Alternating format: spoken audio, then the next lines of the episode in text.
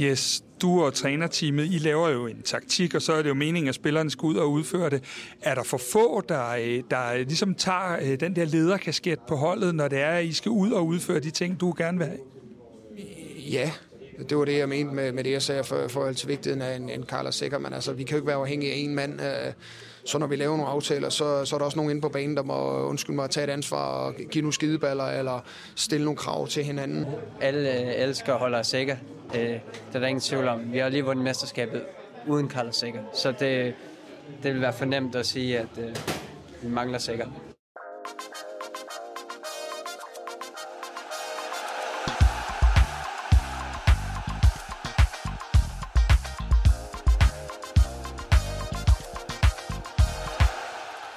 I onsdags der sparkede vi dørene ind til klubfodboldens allerfineste selskab, og i dag der bliver vi regulært ydmyget af FC Nordsjælland, hvor vi er heldige at tabe med bare 3-1. I dagens podcast der har vi den tvivlsomme ære at skulle dissekere kampen i Nordsjælland. Vi kommer til at tale om lederskab, om fanytringer efter kampen, som er rettet specifikt mod Hakon Haraldsson, og så skal vi heldigvis også beskæftige os med nogle meget mere positive ting, nemlig vores pulje i Champions League og de muligheder, der trods alt er, når vi altså lige lander ovenpå dagens kæmpe kollaps. Og så er der altså også nogle transferrygter af den gode slags. Med mig i studiet, der har jeg som altid Kasper Larsen. Hvordan er dit humør lige nu? Det er øh, rystende. Øh, jeg, jeg, jeg er rigtig vred jeg synes ikke, at, at, øh, at vi kan være det her bekendt oven på så fantastisk en uge, som vi har haft. Øh, jeg vil gå så langt som at sige, at det var et øh, kollektivt kollaps, og for mig at se den absolut værste præstation i, i den indeværende sæson, hvilket jo ja, siger en del, fordi der har været andre, der ikke har været øh, fantastiske. Jeg føler mig allerede lidt som Mette Cornelius, der har listet sig ned i omklædningsrummet efter kampen med Yes. Med mig også i studiet, der har jeg Mark Julemand, akademitræner for Hvidovre IF. Velkommen tilbage. Du er ikke FCK-fan som Kasper og mig, men øh, hvad er din reaktion på kampen? Oh, måske en lille, et lille choktilstand. Det er, jo, det er jo voldsomt, når man kan sidde og se en så struktureret defensiv kamp for FC København i, i Tyrkiet, og så se måske det stik modsatte øh, få dage senere i Superligaen mod, mod en ikke lige så god modstander, hvis man kan sige det sådan. Mit navn det er Andreas Hansen. Jeg er også pænt skuffet. Men det er altså blevet tid til terapitime. Den terapiteam, det er et samarbejde med tre, som gør det muligt for os at producere en masse kvalitetsindhold om FCK til dig derude, der enten lytter med eller ser med. Med Free Like Home, der kan du benytte din mobil i hele 73 lande, uden det koster ekstra. Det er hele 30% flere lande end andre teleselskaber, så du kan altså trygt tage på ferie, uden at bekymre dig om, at din regning den løber løbsk. Du kan se mere i noterne øh, i, øh, hvad hedder det, under øh, den her podcast. Ja, yeah hold da op for en vild uge. Det har jo været altså både højt at flyve og meget, meget, meget dybt at falde. Øhm, nu nåede du lige at, at nærmest give sådan en lille opsang øh, her. Øhm, hvordan var stemningen sådan lige efter kampen? Hvordan var din stemning, og hvordan var stemningen blandt spillerne? Du var i mixzone. Altså, øh, noget af det værste for mit vedkommende, det er faktisk, øh, når, når jeg sådan... Jeg sad jo til sidst i kampen og, og begynder sådan øh, at sidde sådan og, og nærmest grine lidt inde i mig selv. Jeg er sådan helt apatisk. Jeg, jeg, jeg, jeg, jeg tror simpelthen næsten ikke på det, jeg sidder og ser. Øh, Udover øh, det sidste, øh, den sidste ja, fjerdedel af kampen, så har vi jo en, øh, en, en, en uden at det her det skal blive en dataanalyse, fordi det er vist ikke mig, vi skal have fat i der, så har vi jo en XG på 0,18. Vi skaber intet, og vi øh, bliver spillet tynde i så mange tilfælde. Øh, at bevares et dygtigt FC Nordsjælland-hold, men vi kigger jo primært på FC København, øh, og jeg, jeg, er sådan, jeg er målløs over det, jeg ser. Der er, jo, der er jo et eller andet, der er helt galt i strukturen. Øh, der er et eller andet, der er... Øh, ja, altså, øh, øh, vi må aldrig stå og falde. Vi må ikke snakke om, nu spørger jeg Falk om det med lederskab og så videre.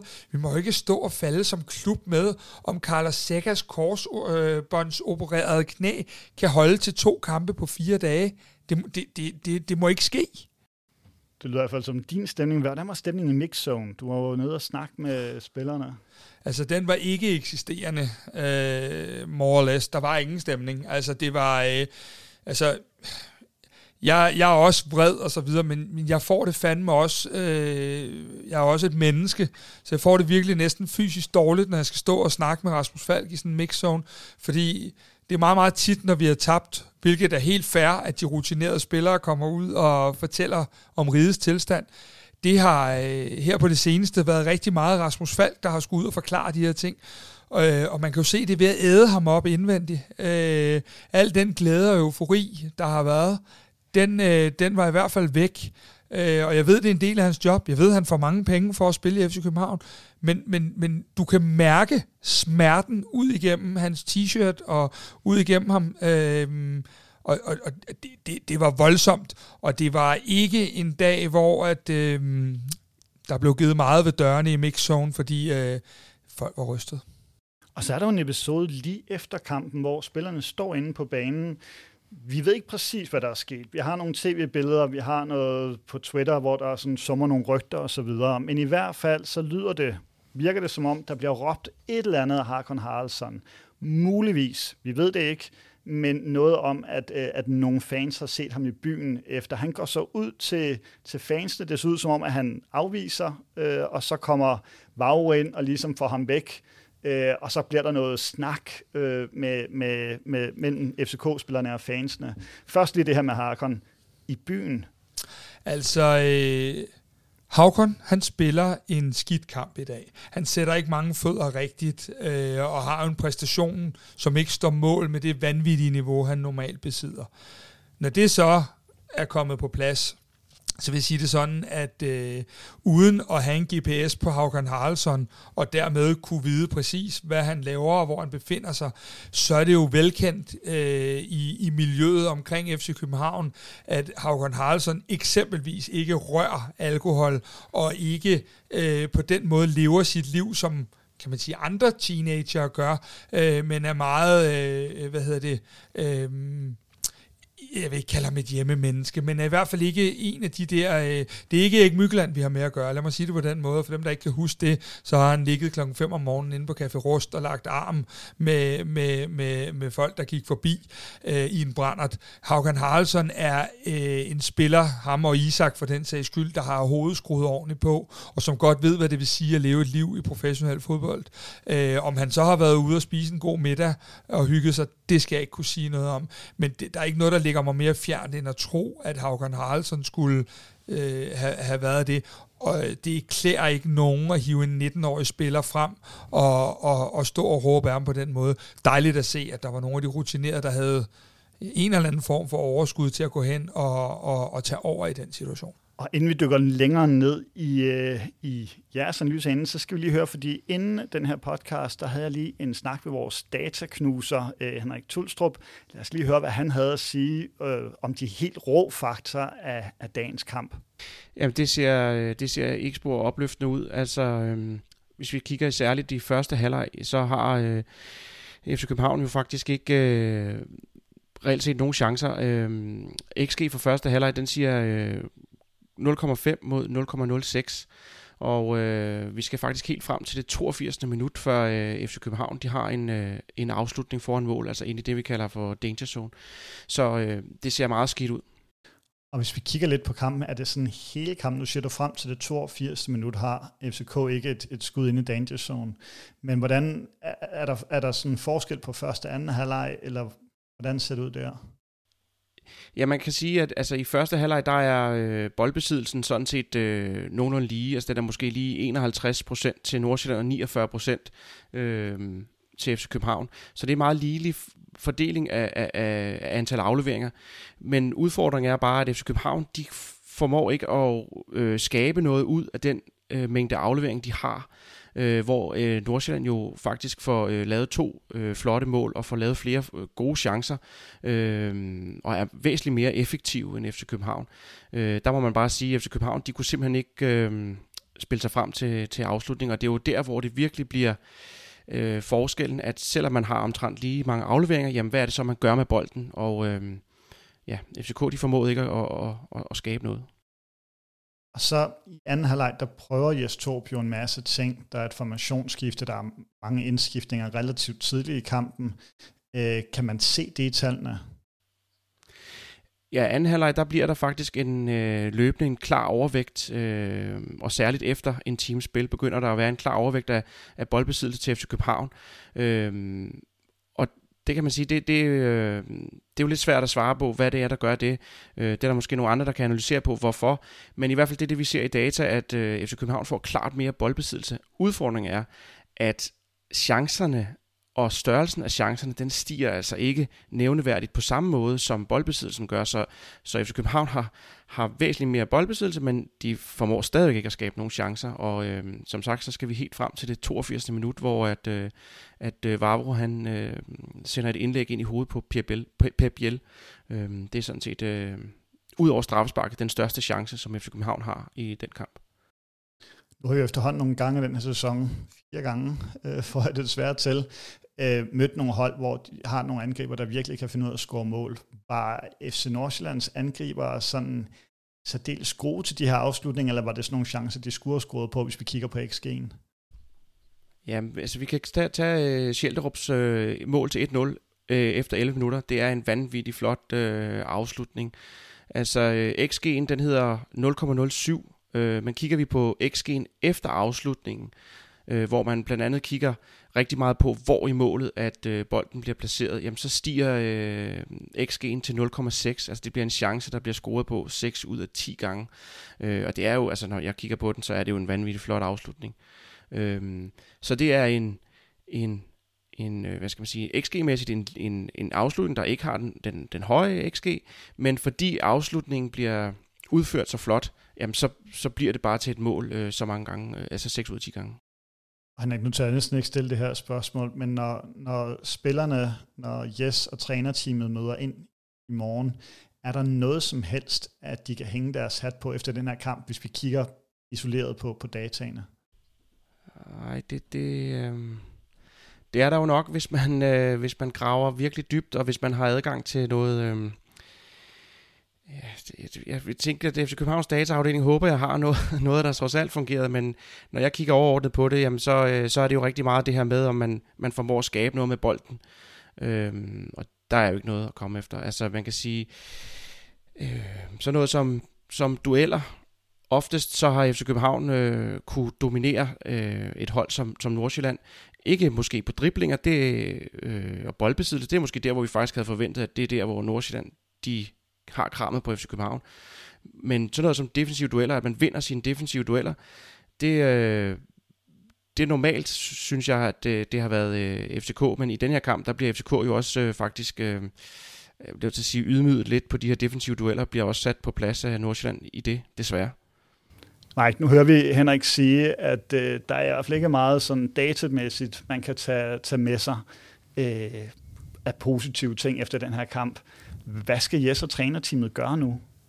Oh, man skal i hvert fald få hanket op i sig selv. Det her det bliver måske en stor reparationsdag i morgen ude på tieren, kan jeg forestille mig. Man har jo hørt, hvor det efter Randers kamp, hvor der var et stort møde derude, øh, truppen og, og hele staben og alt dem her imellem. Det måske det har, det har måske virket for en kort periode, men ikke helt nok, men der er, der er jo flere facetter også i FC Københavns spil i dag, der fuldstændig ramler. Og, og det synes jeg er voldsomt, fordi det er jo noget andet, hvis du kommer ind som, som ny træner og skal overtage et projekt, men nu har, har det også snart kørt det her klub og to og alt noget i lang tid, og det, der må man ikke stå og falde på, på den måde, som man gør i dag. Hvis vi lige skal se på, hvad er det for tre ting, Kasper, som vi lærer den her kamp?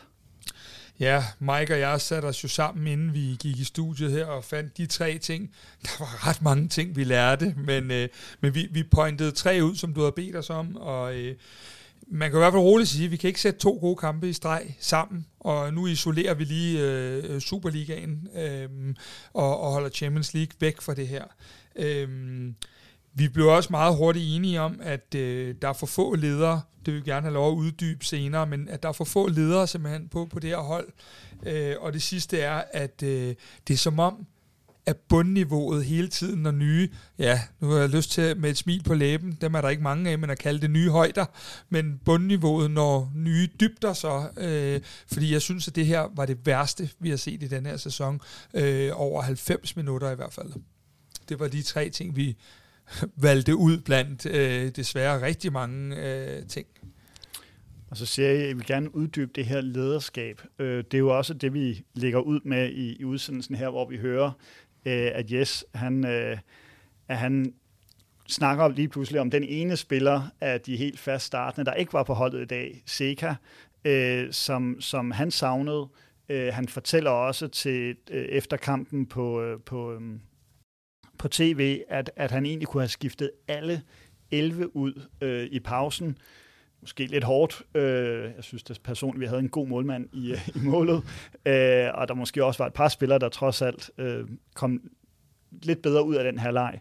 Men, men til dig siger han, øh, at, at han faktisk overvejer øh, ting allerede inden halvleg. Ja, han siger øh, i mixzone, at, at han, øh, han, han simpelthen overvejer og faktisk har øh, brættet klar dernede øh, øh efter 5-28 minutter og, og tage tre spillere der allerede, men at han øh, så beslutter sig for at vente til pausen, øh, fordi at, at vi jo så øh, rent taktisk går over i, i en øh, 3-5-2 øh, opstilling i anden halvleg, og der kan man sige, at du allerede skiftet tre der, så vil du ikke have haft de greb senere i kampen, og det er jo det valg, han, øh, han laver.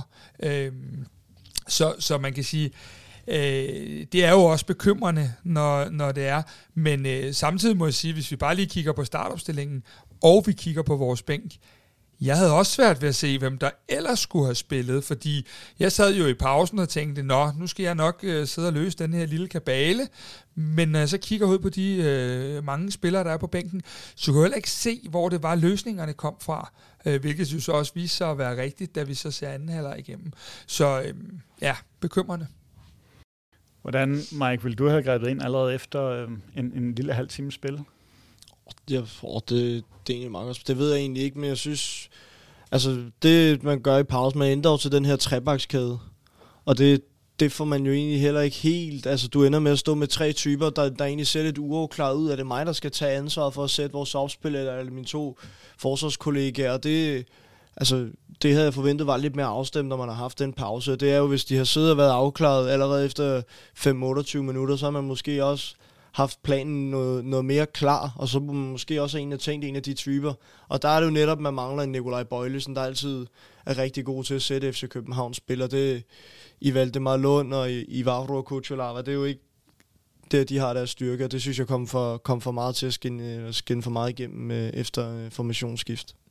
Ja, fordi vi snakker meget i fodbold om det her med at have en akse i holdet. Altså sådan i, i at man har nogle ledere i hver kæde. Hvad, hvad er FCK's, og det er et åbent spørgsmål til jer begge, hvad er FCK's akse?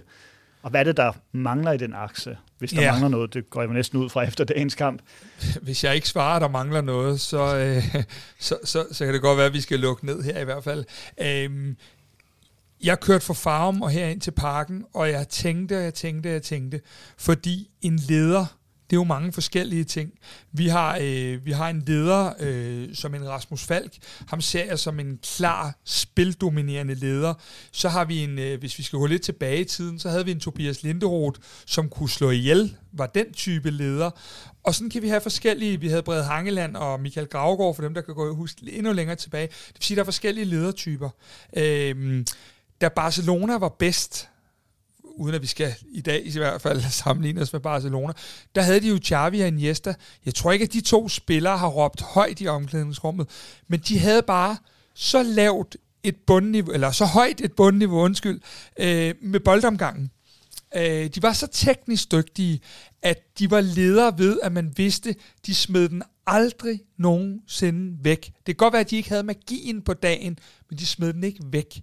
I dag har vi jo en, en, en øh, akse, hvor man kan sige, hverken Pep Biel eller Haugen Haraldsson rammer deres øh, niveau i dag, i forhold til, hvad vi har set nogle gange. Og når vi så har den ambitiøse spillestil, som vi har, og de ikke rammer dagen på bolden. Der er jo så mange tekniske fejl i dag, at vi kunne fodre svin med dem. Efter hvad? 17-15 sekunder, der spiller øh, Kevin Dix øh, bolden lige hen til en FC Nordsjælland-spiller, og der kampen ligesom sat derfra. Det kommer vi jo til. Der er jo umenneskeligt mange boldtab øh, fra vores dygtige, dygtige, dygtige tekniske spillere, som jo ramte et helt andet niveau i nogle af de her Champions League-kampe, også på kuglen. Og der har vi bare et problem, og derfor er der mange afskygninger af ledere. Der er mange, der tænker den der, som jeg synes er lidt gammeldags tænkning, at man skal kunne save hinanden midt over. Dem er der ved Gud også brug for. Men man kan være leder på mange måder, og der er jeg bekymret, fordi som jeg ser det i dag, så, øh, så, så, er vi, så er vi mere eller mindre, jeg synes jo, Rasmus Falk kan se sig selv i spejlet, men jeg synes jeg mere eller mindre, at vi er øh, uden leder og uden ledelse på det hold i dag, vi ser. Hvad tænker du, Mike? Jeg er meget enig, specielt i det, at man kan være leder på hver sin måde, fordi verbalt har man jo en del ledere ind på det her hold, men det er mere også, altså også hænder det Kasper siger med Barcelona, der har haft Xavi i Iniesta, altså det der spillemæssige, når holdet egentlig har problemer, eller de lidt usikre perioder, så nogen, der siger, hey, giv mig bolden, eller lige viser, hvordan øh, skabet skal stå, det er måske spillemæssige ledere, der, øh, det kan jeg godt ikke klart genkende til, man mangler. Men hvis du taler om en akse, fordi nu taler vi om de helt store, øh, du nævnte ramset en, en god række af dem op. Øh, hvordan, hvorhen er det, øh, at der mangler, vi, vi har jo Seca, det er vi enige om, det er en vigtig del af den akse. Matthew Ryan, kan vi sige noget om ham, ham endnu? Øh, nu ser det i hvert fald ud, som om han står i hvert fald lidt endnu. Er, er han en del af det, eller hvordan er han som han er Matthew meget Ryan, ja, Matthew Ryan er også en leder, men vi skal bare lige huske, Matthew Ryan han kommer, og så øh, øh, træner han en gang, så får han lige lidt øm, øh, en øh, lidt øh, øm krop, og så går han ind og spiller kampe. Og vi, lige nu skal vi huske det der med, vi spiller kun kampe nu. Lad være at tro, at vi får trænet alle verdens ting. Mm. Øh, fordi lige nu har vi det er det vildeste, der kommer til at ske. Vi har fem dage lige nu til næste kamp, ellers så falder de bare konstant. Så selvfølgelig er han en del af det. Lukas Lea er jo også en leder, men Lukas Lea er jo, er jo ikke en leder, der, øh, der råber og skriger, men Lukas Lea er jo en leder, der, der, øh, øh hvad hedder det, der, der river græsplænen op. Øh, det kunne man ikke i dag, fordi der var plastik på. Men han river jo græsset op, og vi har jo set ham flere gange øh, ja, tømme sig selv så voldsomt i kampene, rent øh, præstationsmæssigt. Øh, og det er jo også en måde at være leder på. Men jeg synes for første gang ser vi nogle, øh, nogle sprækker i FC København, som jeg ikke har set før. Øh, og det er første gang, at, at, at jeg sådan føler mig tilbagesat og være lidt bekymret mere end hvad jeg vidderligt bare er på grund af kampen. Øh, for jeg synes, der er nogle sprækker i fundamentet, jeg ikke øh, kan lide. Og hvad er det for sprækker, du tænker på her? Jamen, øh, nu, nu kørte vi jo lige herind og hørte lidt interviews, og, og det, er jo, det er jo tydeligt øh, for første gang for mig, at der ikke bliver, øh, at der ikke bliver øh, om de så har fået det koordineret, eller ikke har fået det koordineret. Det er første gang, jeg synes, at der er lidt disharmoni. Øh, når jeg hører øh, Jes Torup, så siger han, at vi kan ikke undvære Carlos Seca. Der siger du implicit også, at der er andre ledere, der ikke træder i karakter.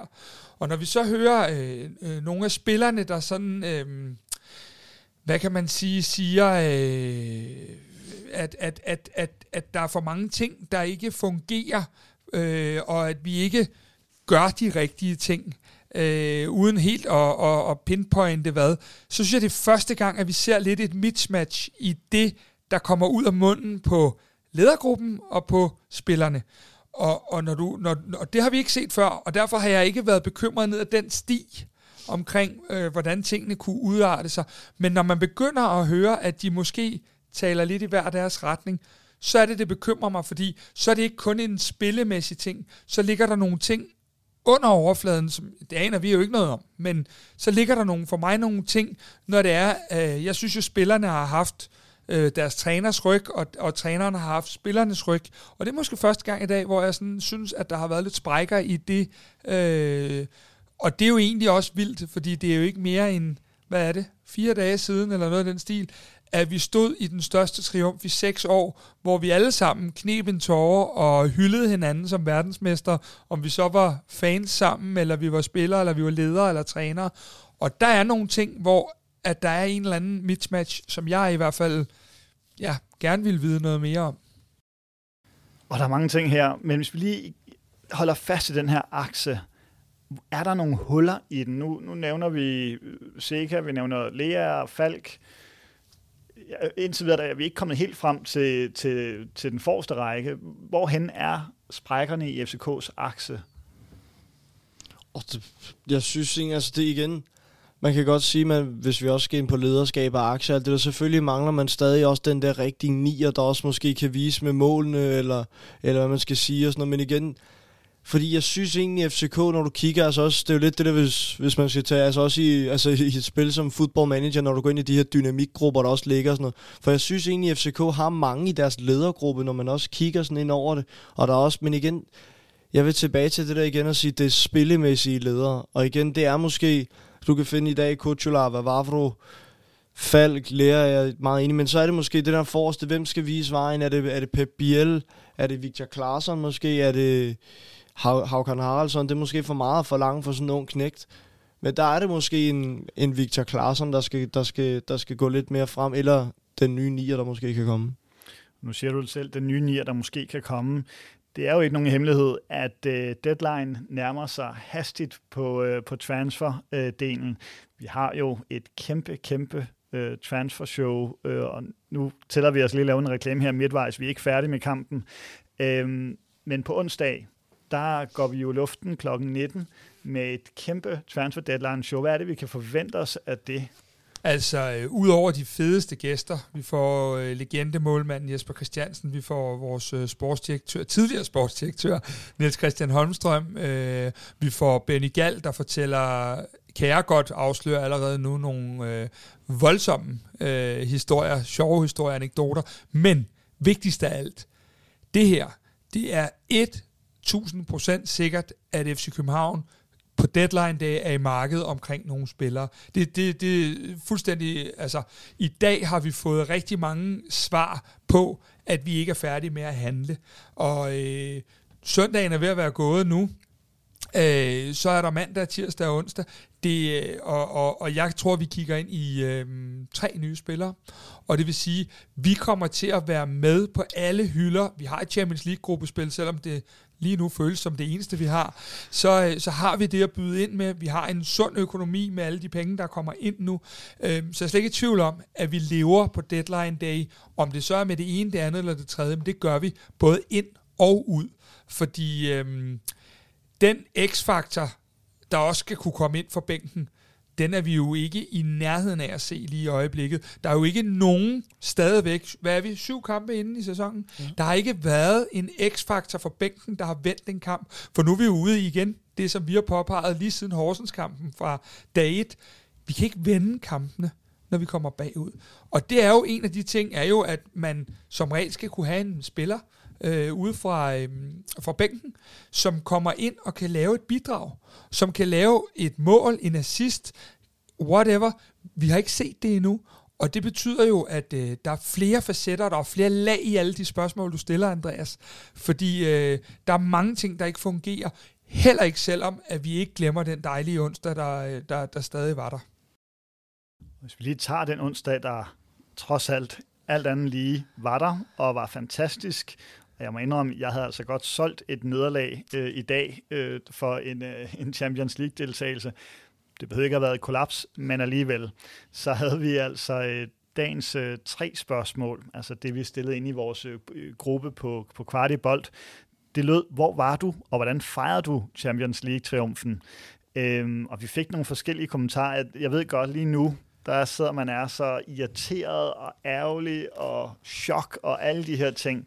Men, men hvis vi altså bare spoler tiden bare lidt tilbage, så fik vi jo altså et af de her momenter, som vi jo, jeg vil ikke kalde det JFK eller månelanding, men stadigvæk en af de der, hvor man godt kan huske, hvor man var henne.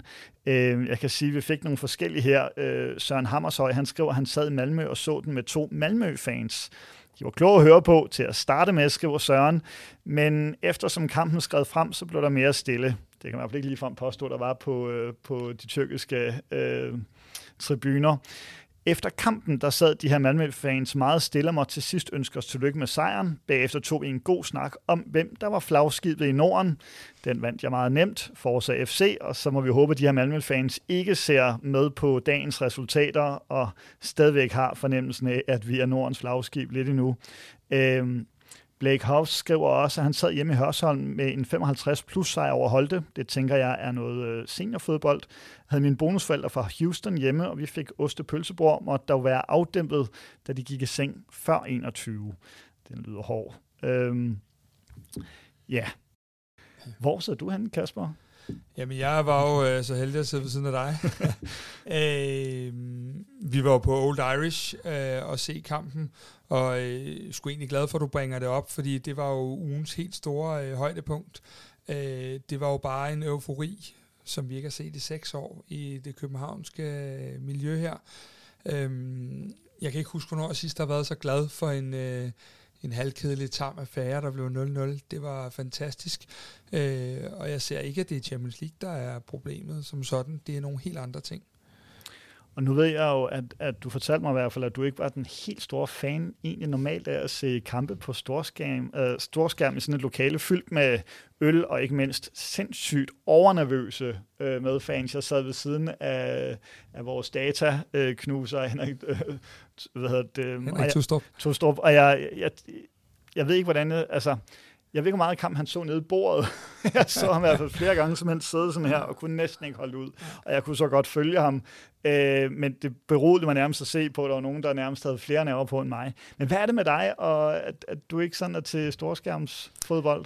Jamen, nu skal jeg jo så til at røbe nogle ting her, men jeg er så forelsket i spillet, øh, og jeg elsker at sidde og se nuancerne, jeg elsker at sidde og se detaljerne, øh, og når jeg sidder på sådan en bar, hvilket selvfølgelig er helt cool, så bliver jeg jo forstyrret på alle mulige måder.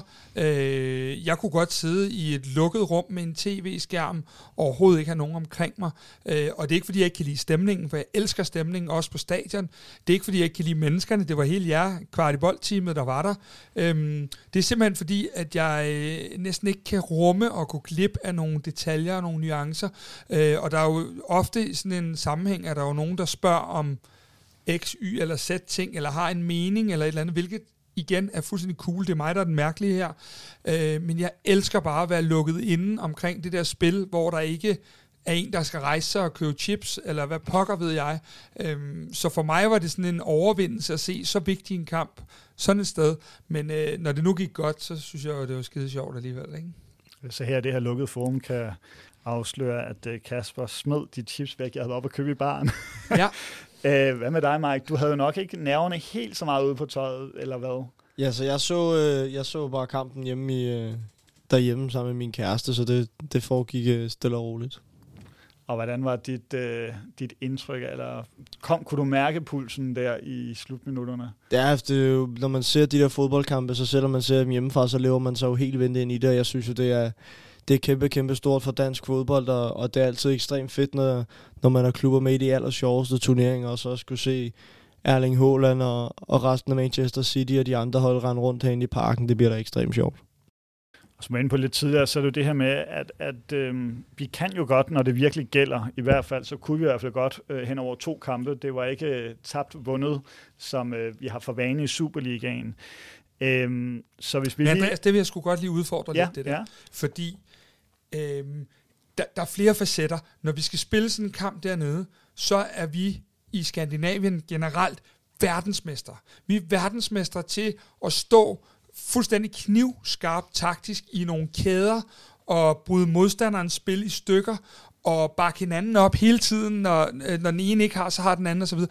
Der, hvor problemerne kommer, det er jo sådan en dag som i dag, hvor vi skal skabe noget, vi skal, vi skal ud og spille. Øh, vi, vi, det var ikke, fordi vi spillede spillet nede i Trapsonsborg. Vi var bare ekstremt dygtige til at forsvare og så havde vi nogle sekvenser i kampene, hvor vi holder godt i bolden og sådan nogle ting. Men det er et helt andet udtryk. Derfor sidder jeg heller ikke lige nu og er nervøs for vores Champions League-kampagne.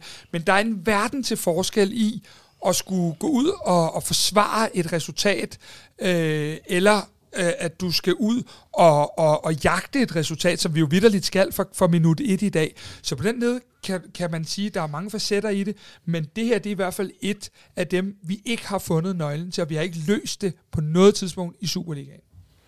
Men hvis vi bare lige kort skal kigge på øh, noget, der i hvert fald er noget, vi virkelig kan glæde os til, så er det jo, at øh, vi kom i Champions League. Vi fandt også vores øh, modstandere, øh, Sevilla, Dortmund og Manchester City. Og hvis vi bare lige hurtigt skulle høre jer begge to, øh, jeg ved ikke om Mike, du vil lægge ud, vi, vi kæmper jo, eller FCK kæmper jo om 18 point. Hvor mange point bliver det til mod de her tre modstandere ude hjemme? Mit bud er 7 point. 7 point. Vil du over- eller undergå den, eller? Hvorfor fanden skal jeg have det spørgsmål på sådan en dag her? Lige nu er jeg jo parat til at sige minus 3. Men øhm, jeg ser i hvert fald, øh, jeg ser i hvert fald også, øh, jeg, jeg går ikke helt op på Mikes, men jeg, jeg, jeg går på 5 point, og øh, det gør jeg jo blandt andet, fordi at notorisk ligegyldigt, hvordan vi har været i ligaen øh, i vores, øh, kan man sige, dårligste kampagne nogensinde, som var lige et trænerskifte blandt andet øh, i 2013, der kommer vi i en dynamitpulje med dengang dygtige Galatasaray, Juventus og Real Madrid, og laver fire point der. Der vil komme så mange nuancer. Det kan også være, der kommer nogle point sidst, når vi er ude og andre og videre. Alle de der ting. Så, så, så øh, alt det lort, vi sidder og stadigvæk skal have snakket igennem øh, fra i dag, øh, det, det, det har jeg ikke nødvendigvis noget, hvor jeg har behov for at høre det over, køre det over til, til Champions League-kampagnen. Øh, så den er jeg ikke så Øh, det, det, det, det, det kan sagtens ske, at vi får fem, og jeg vil da gerne sælge Mikes for syv også. Og hvor er det så, vi skal finde de her syv point, hvis vi lige starter med, med du vandt auktionen her? Mit bud er, at man, man slår Sevilla hjemme, man slår Dortmund hjemme, og så tror jeg, man, så, så kan man alt, altid gå så finde det ekstra point. Men jeg tror, sådan så jeg så så lidt af Sevilla i går, der selvfølgelig kan man også, det er jo lidt nemt at sige, men hvis man så også kigger på FCK i dag, men altså Sevilla er jo heller ikke et hold, der bare, der bare kører ud af PT, så jeg tror sagtens, man kan drille Sevilla. Og så ser man også nogle gange Dortmund have de her svipser i ligaen, altså er det forrige weekend, hvor mod Werder Bremen, hvor de smider det fuldstændig og sådan noget. Men så må jeg sige, Manchester City ser selvfølgelig i en, i en klasse for sig selv i gruppen. Det, det gør lidt ondt at erkende, at de er så gode, når man holder med, med et andet hold i Manchester. Du har kun fem point, du skal finde på en eller anden måde her. Ja, men der er jo ingen tvivl om, at øh, vi, tager, vi tager tre stensikre i Sevilla, fordi øh, der skal kvartiboldteamet ned og, øh, og, og dække kampen sammen. Nej, pjat. Vi, øh, vi, vi skal selvfølgelig hente vores point hjemme primært. Og jeg tænker, at der ligger en sejr i, i, i enten Sevilla eller Dortmund hjemme, og så øh, må vi se om i, i den anden af de to kampe, om vi kan få et point, og, og så øh, med lidt held, så har vi et eller andet til allersidst, hvor at der er nogen, der ikke har noget at spille for. Jeg tror personligt, at øh, de to kampe mod Manchester City, det er næsten den værste af topmodstanderne, vi kunne få, fordi Manchester City bliver ved de kører bare på. Det er jo ikke øh, ligesom nogen, hvor man kunne forestille sig, hvis vi havde mødt et hold ala Barcelona, og de førte 2-0 ved pausen, så kan de godt finde på at trille den rundt i 45 minutter. Det kan Manchester City ikke finde ud af. Det kan godt være, at vi, øh, vi kan ryste dem lidt. Det så vi, Crystal Palace gjorde i, i, i, i den her runde. Men, øh, men det er altså et hold, der bliver ved. Altså, og de kører bare på, og de, altså, det er jo en maskine. Ja. Øhm, så, så man kan sige, Manchester City og Bayern München, det var to af de værste hold at få, fordi de bliver ved, og de bliver ved, og de bliver ved. Og det, det, det er noget af det, der kan, kan bekymre mig lidt, fordi de har så dygtige spillere, at hvis de bliver ved, øh, så kan vi godt komme til at få det rigtig, rigtig svært. Vi skal bare huske, at notorisk har FC København hold aldrig blevet kørt helt over i Champions League, trods alt. Du nikker lidt herover, øh, i hvert fald på det her med, at de er en usædvanlig ubehagelig modstander. Jamen også, så man kan jo se, Manchester City, så er de nede med to mål i, øh, at de i går mener, og vinder alligevel aller sidste spillerunde i Premier League, hvor det afgør om guldet, er man bagud 2-0. Man kører den hjem. Altså, det er fuldstændig, som Kasper siger, det, der, det er en maskine, du er oppe imod der. Altså, det er et uhyggeligt fodboldhold at sidde og se, fordi der sidder du netop med den, at de kan være bagud 2-0, når der mangler 10 minutter. Og man sidder reelt stadig og tænker, Manchester City, de kan sgu stadig nå at vinde den her fodboldkamp. Altså, det er wow for et fodboldhold, ja. de, øh, det er det år. Det må jeg sige. Der var sådan en opgørelse af, hvad de her forskellige hold i puljen er værd. Øh, Manchester City, hvis man gør den op på transfermarkt, så er de øh, en god milliard euro værd. Øh, FCK, 70 millioner øh, euro, trods alt. Øh, men, øh, og så nævnte du lige, Kasper, den her øh, Sevilla-kamp, og det er jo helt rigtigt. Øh, vi har jo grebet, eller kigget dybt i vores lommer, det hedder sådan noget, gribe dybt i lommerne, øh, og, øh, og planlægger sådan en away-tur, og man er jo altså velkommen til at gribe dybt i sine egne lommer og komme med. Man står selv for billetter og så videre. Det var lidt af et, øh, et maraton i går, øh, og, og få sikret billetter til alle, og få navnet skrevet rigtigt ind, og alle de der ting. Øh, men det er i hvert fald en mulighed, det kan man jo... Øh... Ja, man kan kigge ind på vores Facebook-side, der har vi simpelthen lagt hele programmet op for vores tur, og, og dem, der vil crashe ind på det, øh, er mere end velkommen kvartibolder for alle, så øh, klart. Og udover den her away-tur, hvad glæder du dig så mest til i den her Champions League. Det er jo et vanvittigt scenarie. Vi skal høre med den her fantastiske melodi. Det, jeg elsker det. Det, det giver simpelthen myrekryb, når jeg hører den her intromusik. Ja, men, men med far for at være øh, sindssygt skuffet i dag, så, så, så viser det sig jo nu, at jeg måske skal glæde mig til at få et afbræk for Superligaen, øh, fordi den er ved at blive 19 forbandelse. Øh, I en almindelig sæson, så var vi færdige i Superligaen lige nu. Vi har øh, lukket 13 mål ind i syv kampe. Vi lukkede 19 ind i hele sidste sæson. Vi har, vi har allerede lidt fire fire nederlag i syv kampe. Det kan nogle mesterskabssæsoner være nok til, at vi er færdige. Når man så kigger på, at der jo altid i løbet af en sæson kommer nogle af de der vi kan kalde dem freak-kampe, eller hvad vi vil, hvor det ikke fungerer, og man taber, og det var uheldigt, og jeg kan give den der mod Viborg sidste år, hvor Jens Dage laver selvmål i 96. De er jo ikke engang kommet endnu. Så dem ved vi jo kommer. Og jeg tænker bare, at øh, øh, hvad hedder det, vi, vi begynder at have, øh, nu viser resultaterne sig lige nu at være, og det er det eneste, vi kan holde, forholde os til, det er, at, at, at Superligaen virker voldsomt ustabil i år. Havde den ikke været ustabil, så havde vi jo allerede været færdige. Vi havde været kørt midt over, vi havde ikke kunne blive danske mestre. Efter syv runder havde vi ikke kunne blive danske mestre. Ja. More or less. Der er vi ikke lige nu, fordi Superligaen er ustabil. Og det er da dybt, dybt bekymrende. Så jeg glæder mig lidt over at få den der, hvor jeg ved, at jeg godt kan tåle at tabe. Og en, en lille kuriosum til det er jo, havde vi spillet en normal Superliga-sæson, så havde jeg måske godt kunne være den flinke fyr, der i dag synes, at den præstation, der bliver leveret i Farum i dag, var dårlig, og så havde jeg godt synes, at vi kunne tale os lidt ud af den. Problemet med den kamp i dag, og det manglende energiniveau og alle de ting, der ellers er med, det er jo, at det her det er jo bare en forestillelse af alle de andre ting. Det her kunne godt have været en enkelstående kamp, hvor vi havde festet for meget i Tyrkiet og sagt, okay, fair nok, man kunne ikke lige rive ressourcerne op. Det er der bare ikke råd til. Og det er fjerde gang, at vi har stået i den her situation, så man kan ikke tillægge Trabzonspor-kampen det her. Så når jeg spørger, hvad du glæder dig mest til Champions League, og vi så Pause for Superliga. og Mike, øh, nu kan du se det med lidt mere neutrale øjne. Selvom du holder med danske hold, hvad, hvad glæder du dig mest til? Jeg glæder mig mest til, som net, lidt, lidt ligesom du nævner, at se dansk hold i Champions League. Men så er det jo også altså, herinde at kunne se de helt store stjerner komme ind, og hvis han ikke er, er skiftet til nogen klub, eller så se Thomas Delaney vende tilbage. Det er jo altid specielt, når man ser de der spillere vende tilbage til deres øh, tidligere hjemmebane med et udlandsk hold og noget. Det, det synes jeg også kan en hel masse. Så der, der er med en masse, masse ting, jeg glæder mig til. Er der andre spillere, du glæder dig til at se særligt? Det nemme svar er Erling Haaland. Men altså også en spiller i Manchester City som Bernardo Silva, og Kevin De Bruyne, og det er jo, det er jo nogle spillere, der har en, en helt vanvittig x-faktor. Der er jeg jo, øh, der er jeg jo øh, i sådan en sjov båd, fordi øh, jeg er egentlig hammerne ligeglad. Jeg forstår til fulde alt, hvad Mike siger. Det er nogle fantastiske spillere jeg glæder mig bare til at se FC København, og det kan godt være lidt svært at få over læberne lige i dag, men det er jo rent faktisk det, jeg gør.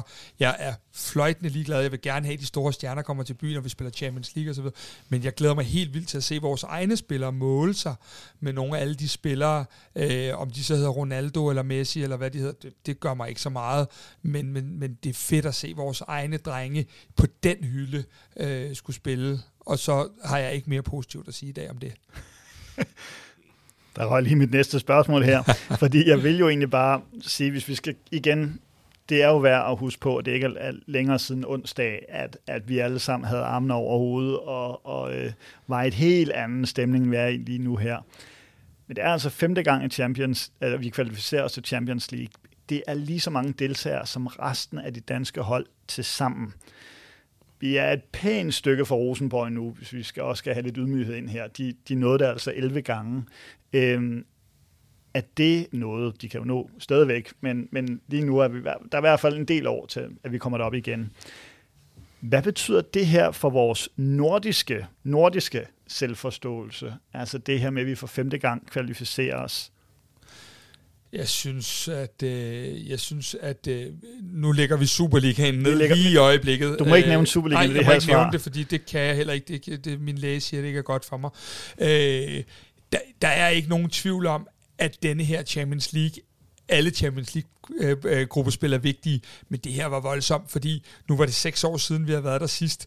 Hvor længe kan en klub kalde sig Nordens største øh, ved at, at ikke være der. Så er jeg med på, at vi har spillet nogle øh, øh, andre gruppespil, men øh, vi har ikke været det fineste selskab, og udsigten til det kan jo godt være meget øh, bekymrende de kommende år. Ikke på grund af FC København, men på grund af hele strukturen og øh, den danske koefficient, der falder, og, og alle de her ting.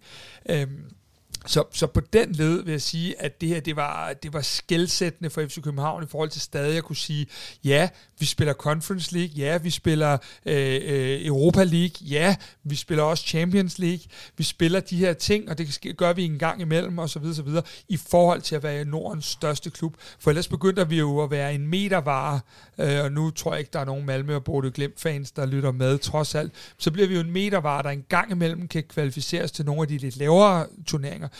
Udover det, så er der jo økonomien, men det her i forhold til selvforståelse, der er det her jo oh, altså vanvittigt vigtigt. Og hvis vi lige kigger på det her, fordi der er jo noget, altså Danmark står jo, det, det er kompliceret det her, når vi begynder at tale om, om, om fremtidige år og sådan noget, men er det ikke også, at, at hvis ikke vi kom med i år, hvis ikke vi fik det her, så altså de næste år, det ser jo ikke ligefrem bedre ud. Nej, det gør det ikke. Øhm, jeg, jeg er da bekymret. Øh, vi, vi skal minimum spille øh, tre runder, eller vi skal. Den danske mester skal minimum spille tre runder næste år for at gå i Champions League. Og, og det vil sige, den faldskærm, vi havde i år ved at vide, at vi har, havde kvalificeret os til den her rigtig, rigtig, rigtig dygtige øh, og gode øh, Europa League. Øh, det, det, det var en rigtig rar faldskærm, da vi sad inde og pressede nerver øh, ud inde på Old Irish forleden dag. Der var det jo en rigtig, rigtig rar ting at vide, at det var det værste, der kunne ske. Ønskede vi det? Nej, men det var det værste, der kunne ske. Øh, jeg tror ikke, at vi skal forvente, at vi øh, som før i tiden kunne komme i Champions League. Øh, vi var der i 6, vi var der i 10, vi var der i 13, vi var der i 16. Jeg tror ikke, at det bliver lige så normalt, at vi bare kommer i der hver tredje, fjerde år, men det nærmere bliver øh, nogle af de ting, som, øh, som vi kan tage som en bonus i enkelte år. Trods alt nu har jeg skrevet det her manus om mange gange inden øh, den her øh, start efterhånden, som at øh, resultatet udviklede udvikler sig til at blive værre og værre. Men, men en ting, jeg havde tænkt mig at sidde og hovere over, jeg kan simpelthen ikke gøre op med mig selv, om jeg, om jeg overhovedet burde sige det her, men nu gør jeg det alligevel. Fordi en af de ting, jeg i hvert fald sendte meget lystigt rundt i ugens løb, det var øh, Christian Hårgaard, som er den ene halvdel af Superstats. Han havde et tweet ude om, at med FC Københavns, vi får de her fire Champions League bonuspoint for at kvalificere os, så er det altså nu en realitet, at Brøndby igen trækker Danmarks koefficient ned. Og når jeg siger igen, så er det fordi, at øh, Christian Hårgaard kiggede dybt i databasen og fandt ud af, at det er 13. sæson i træk, at Brøndby er så at sige en klods om benet på de andre danske hold, og her citerer jeg altså Christian, det er ikke mine ord. Øhm, og der er faktisk kun et hold i hele Europacup-historien, der har gjort det dårligere. Det er portugisiske Vitoria. Øh, kan I huske, hvordan man udtaler det? Guilherme Guimarães. Guimarães, ja. Tror jeg. Som, som jo har en hård, øh, hvad kan man sige, har det også lidt hårdt med, med nogle ret stærke portugisiske klubber. Så man kan sige, der er altid nogen, der har det værre end en selv det er jo i hvert fald godt at huske, hvis vi skal lære det her en terapi-team, og vi skal ligesom ja, på en eller anden måde. Jeg, jeg har det bare sådan igen, at øh, haha, det er sjovt, og det er fint, og alle de her ting, men jeg er egentlig fløjtende ligeglad med de andre danske hold lige nu. Jeg synes, vi har så store udfordringer i den hjemlige liga, og, og uden at vi skal gøre det her endnu værre end det er, så havde vi jo, øh, øh hvad hedder det, øh, med, med, med de sidste 18 måneder med Ståle Solbakken, der havde vi øh, nogle store problemer med at få skrabet de point sammen i Superligaen, vi skulle bruge. Øh, ja, vi er danske mestre og, og de her ting, og det skal vi nyde og anerkende, men vi, vi, vi er retteligt stadig i en position herhjemme nu, hvor vi har det svært. Og hvis vi ikke får løst det, fordi der er altså 11 hold, der er mindre end FC København i Superligaen, så hvis vi ikke får løst det, med at kunne spille måske andet end mod Midtjylland og Brøndby, jamen så, så bliver vi ikke danske mestre, og så kan vi snakke nok så meget Champions League, men så skal vi da i hvert fald helt sikkert nyde det, for så går der lang tid endnu, før vi øh, er i den situation igen. Det er bekymrende, og det er det, altså, øh, vi skal forholde os til, selvom det selvfølgelig er fedt, at, øh, at nogle andre har det værre, end vi har det muligvis, men det, det, det, det er virkelig vores egne præstationer, og hvad det er, der er galt. Nu talte vi om den ledelse, eller ikke ledelsen af klubben, men ledelse og mangel på samme. Hvis de begynder ikke at tale samme sprog i den gruppe, der lige er kommet i Champions League, øhm, så er det alarmerende. Og så er det, at vi begynder at kigge, skal kigge på, hvordan løser vi det bedst muligt. Løser vi det ved to-tre indkøb på onsdag til vores deadline show, eller løser Gerne. vi det ved, ved andre ting, men det må, det, der må ikke begynde at komme en disharmoni. Øh, så vi kun kan spille de her Champions League-kampe. Det skal vi kigge ind i, og det skal vi øh, få i talesat, og det skal der være nogen, der er dygtigere end bold, og nogen, der er dygtigere øh, end, end, end øh, den gængse fodboldfan, der skal, der skal have evalueret på, fordi så er det alvorligt. Jeg tror, din læge har anbefalet dig ikke at, at tale mere Superliga, ja, men nu du men kommer det, ned af den her, ja, så kan man det, sige, ja. nu har vi talt rigtig meget om ledelse på holdet, vi har talt rigtig meget om den her akse eller manglende akse, hvor der måske kunne være nogle huller, måske en position. Hvis vi kigger lidt videre, så har vi jo altså også øh, nogen, der står for de her øh, 11 spillere på banen, et trænerteam. Hvis vi igen, og jeg bliver ved med at spole tiden lidt tilbage til onsdag, fordi det er jo altså et øjebliksbillede det her, men jeg har aldrig hørt PC rose Jes mere, end han gjorde efter, at vi altså kvalificerede os i onsdags til Champions League. Men som du siger, Kasper, så har vi altså også tabt fire ud af de syv første kampe i sæsonen. Sidste gang det skete, det var for 23 år siden. Det var tilbage i 1999-2000 sæsonen. Det var faktisk den gang, at PC han selv kæmpede om pladsen som venstreback med Niklas Jensen. Vi skal virkelig langt tilbage. Normalt, så vil vi jo sidde og vi jo ikke kunne undgå at snakke om fyring eller et eller andet. Nu har vi den her Champions League-billet, vi har et mesterskab. Hvor alvorligt er det der? Er, er, er det overhovedet et tema? Er det overhovedet noget, vi behøver overhovedet at tænke på lige nu? skal man jo tænke sig om, når man svarer, fordi det er nemt for mig at svare øh, på baggrund af, hvad jeg lige har set i dag. Øh, der er to facetter i det her. Øh, Jes Torp blev dansk mester. Jes Torp har kvalificeret holdet til Champions League. Det vil sige, der var mange, der ikke troede, vi kunne blive danske mestre med Estorp. Det, det er vi blevet. Der var rigtig mange, der ikke troede, vi kunne spille i Europa uden Ståle med Yes. Det har vi vist. Øhm, det er den ene ting. Derfor, det er ikke et tema.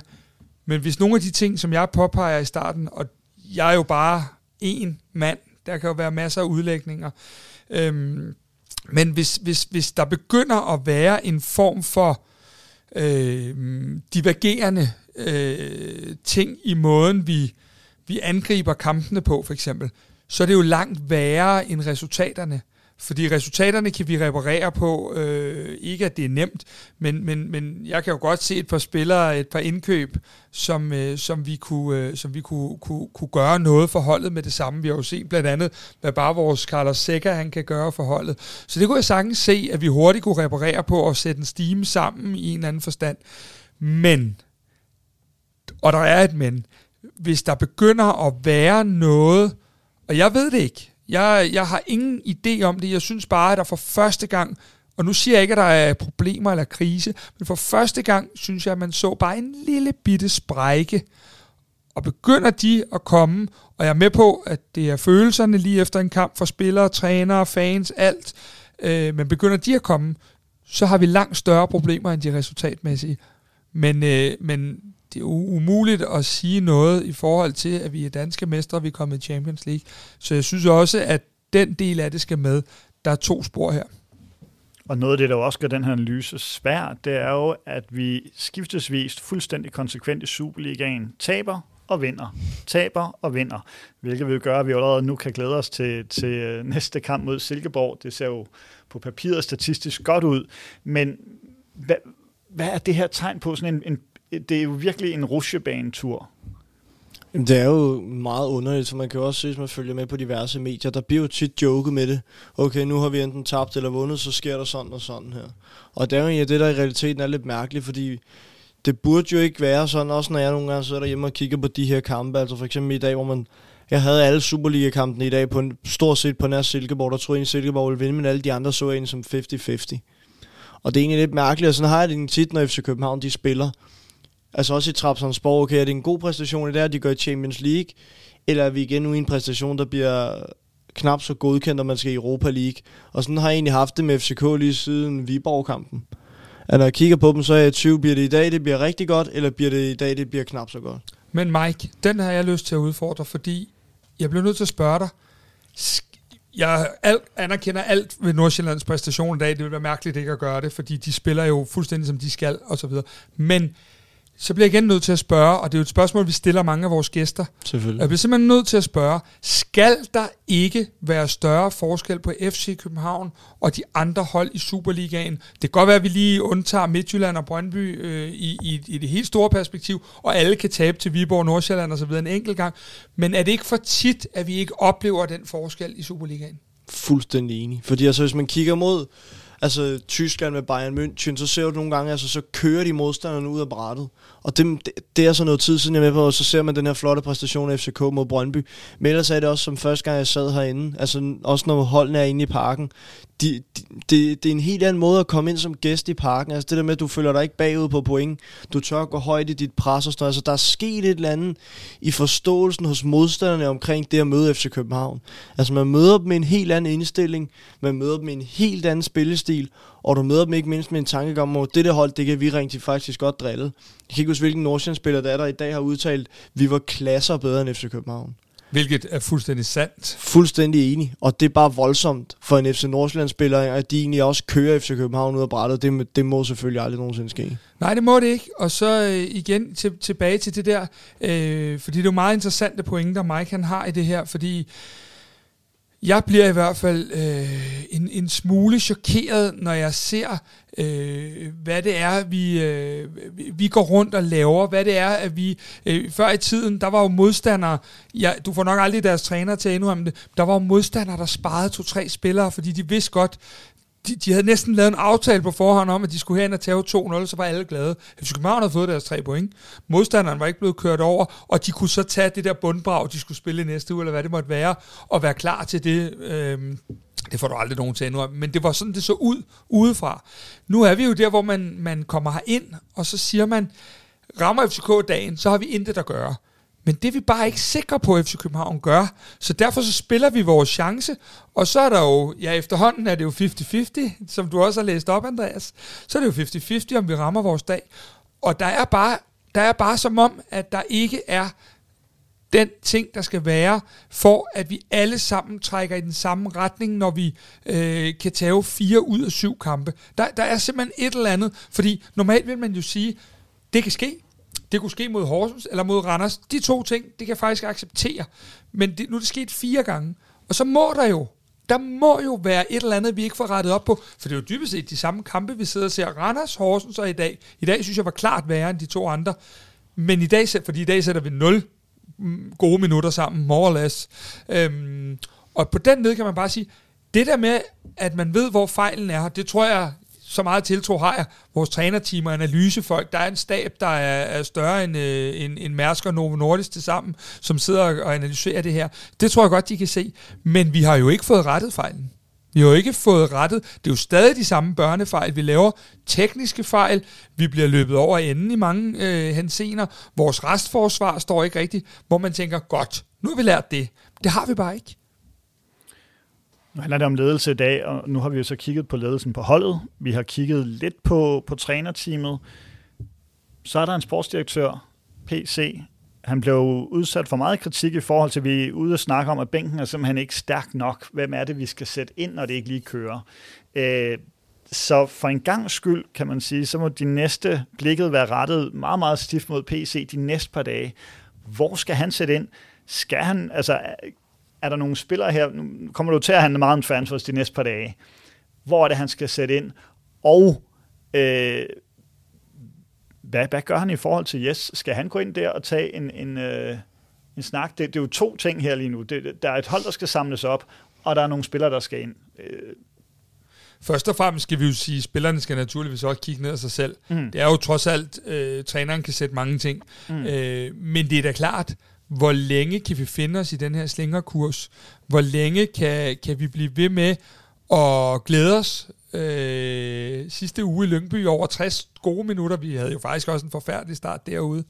Hvor længe kan vi så øh, være skuffet i dag? Hvad så på fredag, når vi forhåbentlig vinder? Det er jo en zigzag-kurs. Men hvad skal PC gøre nu?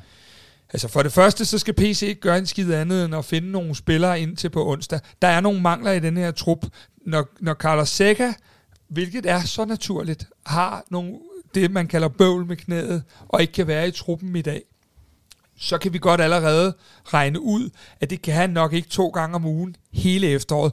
Det vil sige, vi skal simpelthen finde den dybe sekser, der er lederen på holdet. Øh, det skal vi finde. Så skal vi huske, at når vores mellemrumsspil ikke fungerer, så skal vi have en anden måde at gribe tingene an på. Og det er jo blandt andet ved at have øh, en anden type op foran. Jeg, jeg kan ikke gå ind og definere, om det skal være X, Y eller Z. Det er der nogen, der er meget dygtigere til, end jeg er. Men vi skal i hvert fald have en anden type, så vi har en anden måde at kunne agere på.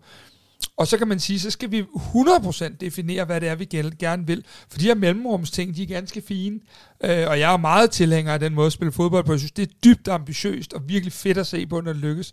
Men hvad er det så, at vi gør? Vi har talt om, Mike, også i andre udsendelser, det der med at aflaste an, øh, hvad hedder det, forsvaret, når, når det ikke fungerer. Men der er jo et eller andet i vores kollektiv, der ikke fungerer. Og det skal adresseres. Øh, og det er, jo, det er jo så et spørgsmål om, hvor analysen fra PC og hans team, der er rundt om ham, hvor den falder. Falder den på spillerne? Falder den på træneren? Eller falder den på manglende indkøb? Eller kan han se... For mig er der jo nok noget om, om alle tre dele. Øh, spillerne har et ansvar, træneren har et ansvar, og PC har selv et ansvar. Så det handler meget om indtil på onsdag, der handler det om én ting. Og det er at få sat den rigtige trup sammen, som man har tiltro til, kan spille Champions League og Superliga. Og når man så har gjort det, så er det jo, vi må, vi må ind og kigge på de ting, der sker. For jeg tror, der må være nogle fællesnævner i de her kampe. Og hvis det ikke er noget, vi kan få lukket og lukket nu, jamen så skal han jo agere. Og hvis du skulle lave de her opkald, hvis du har PC her de næste par dage, hvem vil du så sætte på speed dial? Jamen, øh, nu tænker du transfers, kan jeg, jeg næsten forstå. Transfers. Jamen, øh, Mike og jeg har snydt, øh, gået bag om ryggen på dig, Andreas. Jeg har jo tidligt i vinduet hørt, at, øh, at, at øh, vi rigtig, rigtig gerne vil have, og nu må folk ikke blive alt for forvirret herude, men vi vil rigtig gerne have en spiller, der hedder Seca. Og så er det folk tror, at nu er den for alvor øh, gået helt galt, og det er den med statsgaranti også. Men Seca med X. Øhm, en mega dygtig spiller. Jeg har jo bedt Mike om at kigge en lille smule på ham, men en mega dygtig spiller, der er uden klub nu, og som, øh, som, som øh, skal, skal, øh, skal finde sin klub, og som jeg ved er på FC Københavns liste. Der er mange på den liste, men han er lige det, vi mangler, tror jeg. Jeg vil gerne lægge den over til dig, Mike, hvis du vil sige et par ord om Seca.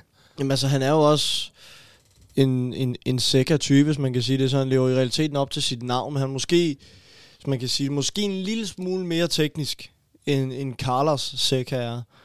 Og altså, jeg kan, det, kunne, det ville måske egentlig være et rigtig, rigtig smart trick, men jeg, jeg står lidt mellem både ham, og så også, altså, nu er med på, at han blev nævnt en del gange til FC København med Lasse Berg Jonsen i, i, i Randers. De to serier, som, som kæmpe øh, FCK-emner, det må virkelig være at sige for ham sikkert. Det, han, også, han har mange af de her oprydderløb, han, er, han er god i, i det her, hvis du har en bak, der er ude af, af løber, i vores, og man skal ramme noget restforsvar, så kan han løbe ned og få de her øh, bolde i, i de her fremadstormende øh, spillere for modstanderen. Så jeg kan godt se, og så, så er der måske en bonus i, at han er uden klub, men det skal man måske så lægge noget mere i lønposen for. Men igen, det er PC's job og ikke mit. For mig er Seca med X, må hellere øh, betegne det sådan her, det er, øh, nu har PC selv været ude og snakke om den der høje hylde. Nogle gange tror jeg, at han fortryder lidt, at han fik sagt det, fordi øh, hvad er en høj hylde? Øh, hvad hedder det? Nu sagde han selv på tv i dag, at Edison Cavani var blevet tilbudt. Øh, øh hvad hedder det? Øh, men, men hvad er en høj hylde? Ham her, Seca, som er blevet fransk mester med Lille, øh, og har, har spillet rigtig meget, det er en hidtil uset hylde, vi kun vil kunne ramme, fordi vi er kommet i Champions League, ellers har det ikke været muligt. Øh, det er simpelthen så dygtig en spiller, at, øh, at, at det er en af de der, hvor man siger, at han vil gå ind ved sin blotte tilstedeværelse og kunne løfte holdet gevaldigt. Øh, en rigtig, rigtig god spiller. Jeg er egentlig også enig i, at Lasse Berg Jonsen der er en dygtig spiller.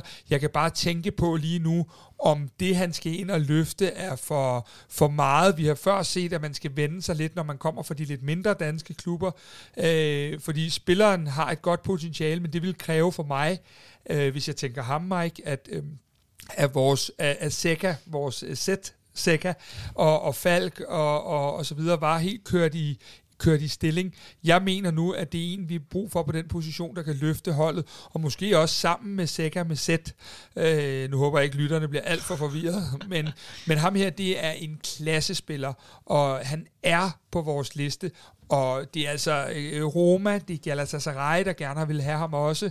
Øhm, men han står altså her nu, hvor vi øh, er, er tre dage fra, at vinduet lukker, og har ikke en klub endnu. Så why not?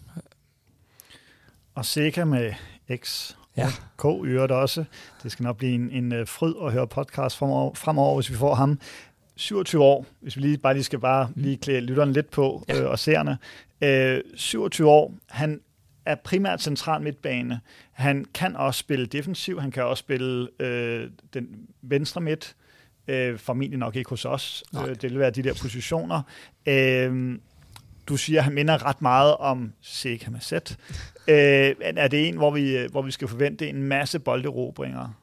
Ja, det vil jeg klart sige. Mm. Helt afgjort, det er det.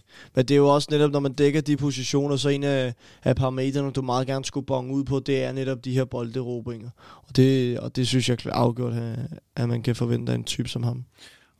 Og nu ved jeg altså igen ikke, øh, nu er jeg gået bag om ryggen på mig, så jeg ved af gode grunde ikke, hvor meget I har talt om. Men er han, en, øh, er han også den ledertype, vi måske kunne, kunne mangle? Det er jo på en position, hvor vi forvejen har en stærk leder, men når Sega med ikke kan. Altså, det er lidt svært at svare på, fordi øh, man kan sige, det der sker, når vi får sådan noget her, det er jo, at vi kan tjekke ud på Y-Scout, mm. vi kan tjekke ud på, på forskellige platforme, men det er lidt sværere at se øh, nogle af de ting, om du har. Altså, øh, man kan sige, vores Carlos Seca er jo en leder med et gigantisk el. Han er jo øh, øh, hele limen i truppen, og udenfor er han jo... Øh, bundsympatisk og sørger for, at alle har det godt og er en, en, øh, en, en klasseanfører. Det er altid sværere, før du har mærket, synes jeg i hvert fald personligt, den person, der skal komme ind. Jeg kan fortælle, at Matthew Ryan har lidt af de samme ting. Det er også sådan en klassefyr, hvor man bare ved, at, at, at, at der er mere end 2%. Øh, han giver lige de der 2% mere, end hvad man behøver at gøre. Og sådan nogle ting skal man ofte op, øh, altså opleve selv øh, Øh, i forhold til det. Øh, og nu kan man sige, nu skal lytterne ikke tro, at vi er 2% fra at være på ham her, fordi ham her, det er en, som med garanti øh, ikke har os på, altså det er, det er en top, top spiller. Han er bare en af dem, som er uden klub, og dermed i, og op på vores liste, så det er jo kun et, et håb, vi kan have om, at nogle af de ting, som han kan få, falder til jorden, og så er det jo set før, at spillere gerne vil have et, et Champions League gruppespil, og vi derved kan, kan tiltrække, altså nogle mystiske personager, øh, for lige at, og, og, og folk må endelig, dem der ikke ser det på YouTube, men hører det på podcast, vide, at jeg har et stort smil på. Altså den næste, vi får tilbudt, er vel Cristiano Ronaldo, fordi øh, øh, hvad hedder det, øh, han leder efter en Champions League-klub, men ingen bider på. Så jeg tænker da, at, at, at vi godt kan starte en lille indsamling, fordi ham kan jeg så godt se på 9'er-positionen, i stedet for, hvis det skulle øh, komme dertil. Og det var kun en joke, inden nogen begynder at skrive, at øh, Ronaldo er på vej til FC København. Han er jo vant til at tabe kamp i øjeblikket, så han er i form. ja. øhm, vi kommer over til at lytte rigtig meget mere på vandrørene, når, når vi på onsdag har det her store deadline-show, hvor du i øvrigt selvfølgelig er inviteret med. Det koster kun 150 kroner, og er du medlem, og det er der, der ikke nogen grund til ikke at være, så koster det faktisk kun 100 kroner, og giver endda fri bare en time fra kl. 19 til kl. 20. Men er der andet på vandrørene, på de her transfervandrør, vi allerede nu kan sådan... Øh, Altså, der, der, der er rigtig meget på, men, men for mit vedkommende har det sådan, at jeg kan bedst lide, når tingene er lidt valideret. Øh, og, og man kan sige, der er ingen tvivl om, at Jakob Brun Larsen på en eller anden måde spørger. Øh, han er røget lidt ud af Hoffenheims hold igen efter at starte den første kamp. Vi ved, at han frekventerer... Øh, Øh, hvad hedder det, en kæreste og byen her, og vi ved, at, øh, at der er en reel interesse i ham. Øh, det, det, det kan så øh, falde ud på mange forskellige parametre, og vi ved jo ikke, om det sker, men, men det er jo en af tingene. Øh, og så kunne man måske godt forestille sig, at, øh, at der er et par andre pladser, hvor at vi øh, måske trænger til lidt mere gardering, end vi har nu. Øh, mit bud er lige nu, at vi sagtens kan lande tre spillere inde på onsdag. Det er der i hvert fald ingen tvivl om.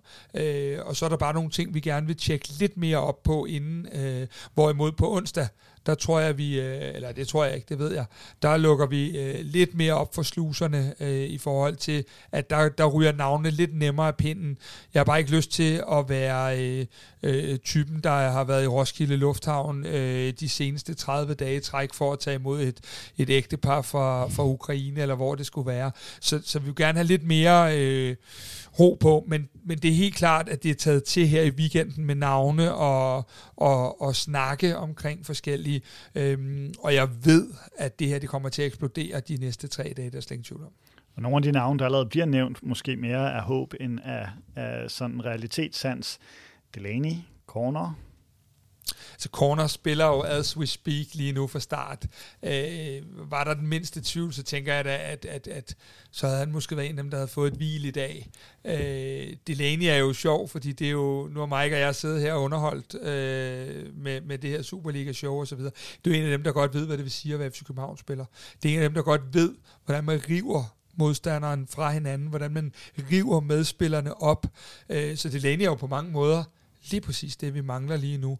Øh, jeg er så alle, der kender mig og fulgt med i podcasten, ved jo godt, at, øh, at, at det er jo måske en af mine største kærligheder nogensinde, men jeg vil også sige det sådan, kommer han ikke inden på onsdag, så skal vi begynde at kigge på, om han så overhovedet kommer, for Delaney er en spiller, der bruger sin øh, fysik utrolig meget, og det vil godt på et tidspunkt kunne komme til, når du når 32-33, at du simpelthen ikke kan nå op på de øh, øh, høje øh, hvad hedder det, øh, kvalitetsting, du plejer at gøre. Så hvis han skal komme, skal han også til at komme, og de skal finde ud af, om det skal være nu. Øh, vi har hørt øh, lidt, lidt, lidt løst omkring, at, at der har været de her henvendelser. Jeg skrev det også på Twitter i går. Vi ved også, at øh, de jo øh, har styr på lidt bolig i København og meget andet. Så vi ved jo, at der ikke er langt fra, hvis det er. Men øh, som det ser ud lige nu, så, øh, så har Delanis første reaktion været at det ikke er denne her sommer. Øh, kan det vente sig inden på onsdag? Det kan det selvfølgelig godt. Og så må vi heller bare lige sige til dem, der måske ikke lige har lyttet med hele ugen og så videre, han er jo altså sat til salg. Så det er jo ikke, det, det er jo han er, han er der er i, hvert fald flere, der har sat ham til salg i, i, i den spanske presse. Vi ved det jo ikke helt oprindeligt, ja. men øhm, det kunne det godt være, ja. Og Mike, hvis man nu øh, skulle give dig øh, PC's job, bare lige frem til, på, til og med på onsdag til midnat, hvad vil du bruge, hvis du fik, øh, hvis du fik sådan, lad os bare sige 100 gode millioner, hvad vil du så bruge dem på, altså bestyrelsen? Det er et godt spørgsmål. Jeg vil i hvert fald bruge dem på en nier. Det er jo det, der alle FC København fans, eksperter, alt snakker om, og det er jo også, det er måske det mest indlysende. Så vil jeg måske også det, det er næsten lige før, jeg vil gå med en til hver kæde. En til forsvaret, en til midtbanen og en til angrebet. Den og er det, jeg helt med på. Ja, jeg, jeg tror også, jeg går, jeg går med Kasper, jeg tror også, og føler mig ret overbevist om, at FC København har hentet tre eller fire spillere, inden vinduet det er lukket. Fire spillere lige frem. Øhm, og hvem så du gerne som nier? Åh, oh, det er et godt spørgsmål. Altså, det, nu så jeg på et tidspunkt, der lige var nogen, der begyndte at skrive om Kasper Dolberg og sådan noget. Det må, det, den, den gad jeg rigtig, rigtig godt se, uh, se uh, ske. Dolberg, der for øvrigt i øjeblikket befinder sig i, i København. Øh, vi har løst sonderet nogle ting, fordi vi alligevel synes, at den ligger et stykke ude fra, hvad vi tror, hans egen selvopfattelse og hans alder har. Øh, jeg har ikke hørt nogen, der sådan øh, andet end de der, øh, der, der, den florerer jo derude på en eller anden led, fordi at PC har talt om den der høje hylde. Øh, så, så jeg vil sige det sådan, han er jo virkelig ude i kulden i Nice på alle parametre. Så igen, det er jo sådan en, der kan, hvis, hvis, hvis vel at mærke, at den kommer, så er det jo sådan en, der kommer 23-59 på onsdag, fordi Dolberg kigger jo også, vi hørte, at Brentford var ude efter ham, hvilket jo øh, er lidt et skifte op fra den franske liga til Premier League osv. Det er jo, det er jo, en, det er jo, en, det er jo nogle klubber, der er foran os på, på Kasper Dolberg, hvis det skulle være. Øhm, vi ved også, at han tjener en del. Vi ved også godt, hvordan skattetrykket er i Danmark for en fodboldspiller. Øhm, så jeg synes, der er rigtig mange ting, der skal øh, gå den rigtige vej, før vi kan byde velkommen til Kasper Dolberg. Men jeg er enig med Mike, det er jo øh, muligvis en af Danmarks allerbedste afsluttere. Øh, og og, og det, det kan vi jo godt, og det er også en spiller, der, der har tekniske relationer. Øh, nu kan jeg faktisk se, at der er en rigtig god kilde, der ringer til mig lige nu. Men, øhm, Skal vi den lige, må, du må gerne læse ud. Det, jeg det gør se, jeg lige. Skal jeg se, hvad der står på skærmen? Nej. Nej. Og vi har holdt en lille kunstpause her, der var et opkald. Hvem var det, Kasper? Ja, men øh, det, det, det, det var øh, desværre så i går så en kedeligt, at det var, øh, var øh, vores gode ven øh, af programmet her, også øh, Farsam Abulisani, transferguru på BT, der øh, ganske enkelt blot ville øh, høre, øh, hvad tid han skulle møde op på Old Irish, øh, med de øh, rygter, jeg har bedt ham om at kommentere på, øh, og på hele Deadline-showets øh, tema, som jo er transfers ind. Øh, og det, det, det, det, han vil simpelthen ringe og høre, øh, hvad tid han var på, og hvornår vi skulle aftale. Så det er jo, øh, ja, det er jo endnu en grund til at komme, fordi øh, jeg må da sige, at det her vindue, øh, det er en af de øh, folk herhjemme, der virkelig øh, ved, hvad han taler om, og som, øh, som har øh, en rigtig godt indsigt i mange miljøer omkring øh, fodbold. Men han kommer jo på, på onsdag på Old Irish, og det var simpelthen bare det, han ville ringe og spørge om, øh, hvordan vi skulle have aftalt det. Og vi kan jo sige både til far som og til øh, alle jer lyttere og ser derude, at det er altså 21.25, han har program sat på. Dermed ikke sagt, at der ikke kan ske små ændringer, når der kommer bomber, eller at... Øh, ja, det er en dag, hvor der sker virkelig meget. En anden ting, som jeg i hvert fald glæder mig vildt meget til til det her, det er en, der måske ikke har fingeren lige så meget på pulsen, som far som har lige her nu, men i den grad har haft fingeren på pulsen med FCK i, øh, jeg vil ikke sige i en menneskealder, fordi vi er jo stadigvæk en, en relativt ny klub, men Niels Christian Holmstrøm, øh, der har sat en time af til et interview med ham, med de her afbrydelser, når der sker noget, men, men øh, han er jo en, øh, noget af en herre at skulle interviewe, og ikke mindst i en time, du har fået din øh, sag for, Kasper. Ja, Kasper, jeg sidder og arbejder, den anden Kasper, øh, sidder og arbejder lige nu på, øh, på Holmstrøm. Man kan sige, at det gode med at interviewe Holmstrøm, det er jo, at øh, han skal nok selv klare den her team, men vi har jo nogle ting, vi gerne vil snakke med ham om. Øh, så vi sidder lige nu og skriver på, på manuskriptet i forhold til, øh, til, hvad hedder det, til, til showet, og der er der øh, nogle ting omkring både fortiden, men øh, også på nutiden, som vi øh, gerne vil have Niels Christians synspunkt på. Han er jo ikke øh, normalt manden, der er bange for at dele ud af de ting, han, øh, han har at, at byde ind med. Så, øh, så, så det er da helt klart også en, vi glæder os til at, at tale med. Øh, og så er det jo spændende, hvordan han accepterer at blive afbrudt, hvis der skulle komme en transfer lige pludselig. Held og lykke. Øh, jeg glæder mig for vildt meget til det, og også til at høre på hans indtryk og meget han vil lukke op for om det nye FCK, øh, og FCK-DNA og alle de her ting. Og nu er vi jo egentlig også på det sidste led, i hvert fald før vi kommer helt op i, øh, i, øh, i skyerne, men på øh, et, et tidligere bestyrelsesmedlem. Og hvis vi skal tage ledelsen hele vejen op, nu har vi talt spillere, vi har talt, de skal hjem og kigge sig selv i spejlet, har, har Jes Torp udtalt. Øh, jeg kan høre, der er bred enighed om den del. Vi har talt noget om de, de ledere, der måske kunne mangle på banen. Vi har talt om Jes øh, Torp. Vi har talt lidt om PC i bestyrelsen. Det er jo trods alt dem, der virkelig træffer beslutningerne. Det er også dem, der sidder med, med at skal fordele alle de her millioner, der kommer ind på Champions League, på, på det ene og det andet, og også til transfers. Hvis I sad i bestyrelsen lige nu, og det er jo primært William Kvist, som, som sidder på den hvad kan man sige, på, på den, den del af forretningen. Hvad vil I gøre lige nu og her? Vil, det lette svar er selvfølgelig at sige mange flere millioner, så vi kan vinde nogle kamp. Hvad vil I gøre, hvis I var ja, i bestyrelsen nu? Øhm, jeg vil, hvis jeg var i bestyrelsen, og det er vel at mærke en helt anden position, end at være i en træner og en sportsdirektørs rolle. Var jeg i bestyrelsen, ville jeg virkelig, virkelig kigge på udviklingen af klubben. Øh, jeg vil gå rigtig, rigtig langt for at forbedre faciliteterne øh, for vores spillere. Øh, nogen vil sige, at de skulle øh, i et øh, sort hul et eller andet sted i dag, men øh, vi har ikke tidsvarende faciliteter. Vi har ikke faciliteter, der, der, øh, der, der er up to date. Vi har, øhm, vi har ikke baneforhold, der er, øh, der, der er nok. Øh, der er ikke nok baner, der er ikke nok. Vi har fået en stor klods op derude, øh, bygning foran øh, det gamle tieren, øh, men, men, men vi er ikke tidsvarende.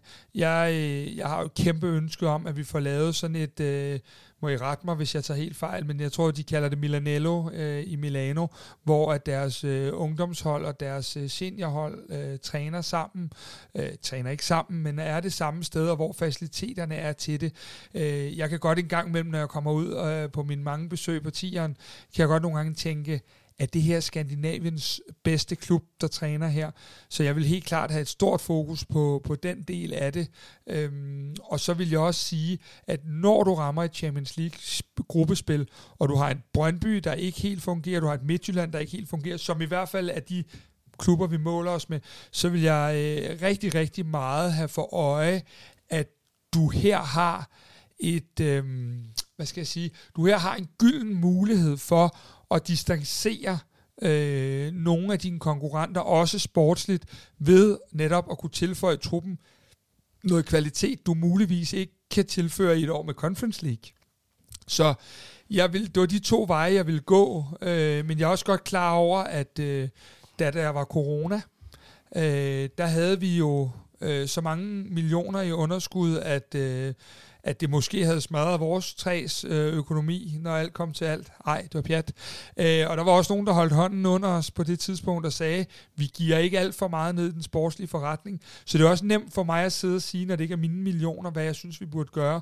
Men, men set som fodboldmand, og hvis jeg var det fodboldmæssige indspark i bestyrelsen, som du jo spørger til, øh, som William er, øh, og jeg blev spurgt, så var det øh, udvikling af tieren, og, og, og udviklingen af, om holdet vil kunne formå at tage nogle kvantespring, der gør, at vi har mulighed for at stå i samme situation næste år, og næste år, og næste år. Men igen, jeg har ikke nogen af de her millioner desværre, øhm, så det er jo nemt nok at sidde og sige som, som uafhængig økonomisk i forhold til de her ting. Ja, hvis vi lige runder den af her i forhold til, til, til ledelsen på alle niveauerne i, i FCK, det er jo et stort tema, vi har kastet os ud i her ledelse, så er der jo også, øh, altså hvis man går ind på, på, på diverse debatforer, så kan man jo se, at det er ikke kun Yes, man er utilfreds med hver anden kamp. Øh, det er også PC og nogle af de her indkøb, der har været. Hvor meget til eksamen, og det er jo, altså, hvor meget til eksamen er PC øh, her frem til og med onsdag? I forhold til bestyrelsen, som han jo står til ansvar for? Jamen altså lige indtil på onsdag er nok ikke til eksamen, men, men når indkøbene er foretaget, så er han jo til eksamen. Øh, noget af det, jeg rigtig, rigtig godt kan lide ved PC. Øh, nu har jeg også været efter ham lidt. Nu vil jeg også gerne lige sige, jeg kan godt lide, at øh, når jeg taler med PC, så er, er det egentlig en meget lige ud af landevejen samtale. Øh, PC øh, sagde, da han tiltrådte, faktisk var det den første dag, han var der, vi var ude og få et interview med ham, og han, han siger, I kan bedømme mig fra dags dato. Og det synes jeg egentlig, at han står ved, når man har samtaler med ham. Øh, vi har også haft PC i studiet, hvor han sagde, at, øh, at der var, havde været nogle skæver der i forhold til januar-vinduet, der ikke havde performet endnu. Så jeg synes egentlig, at han er cool og ærlig, men det er klart, at øh, de her tre dage kommer til at definere meget for ham også, fordi vi får alligevel brugt en del spillere, eller en del penge på spillere i januar, som vi lige nu ikke, undskyld, har den glæde af, som, som vi øh, skulle have haft. Øh, og her tænker jeg på Mukairo, Babacar, Karamoko, uden at de på nogen måde er skyld i den her øh, øh ting, vi står i. Øh, så, så han er til eksamen, øh, fordi ret beset har vi ramt Victor Claesson rent offensiv. Øh, ikke ud fra i dag, men ellers så har vi ramt ham. Og ellers har vi haft svært ved, både i Ståles sen, sidste periode af, af, af sin tid i FC København, og efter PC er kommet til, har vi haft svært ved at ramme de offensive profiler, der gjorde en forskel for os.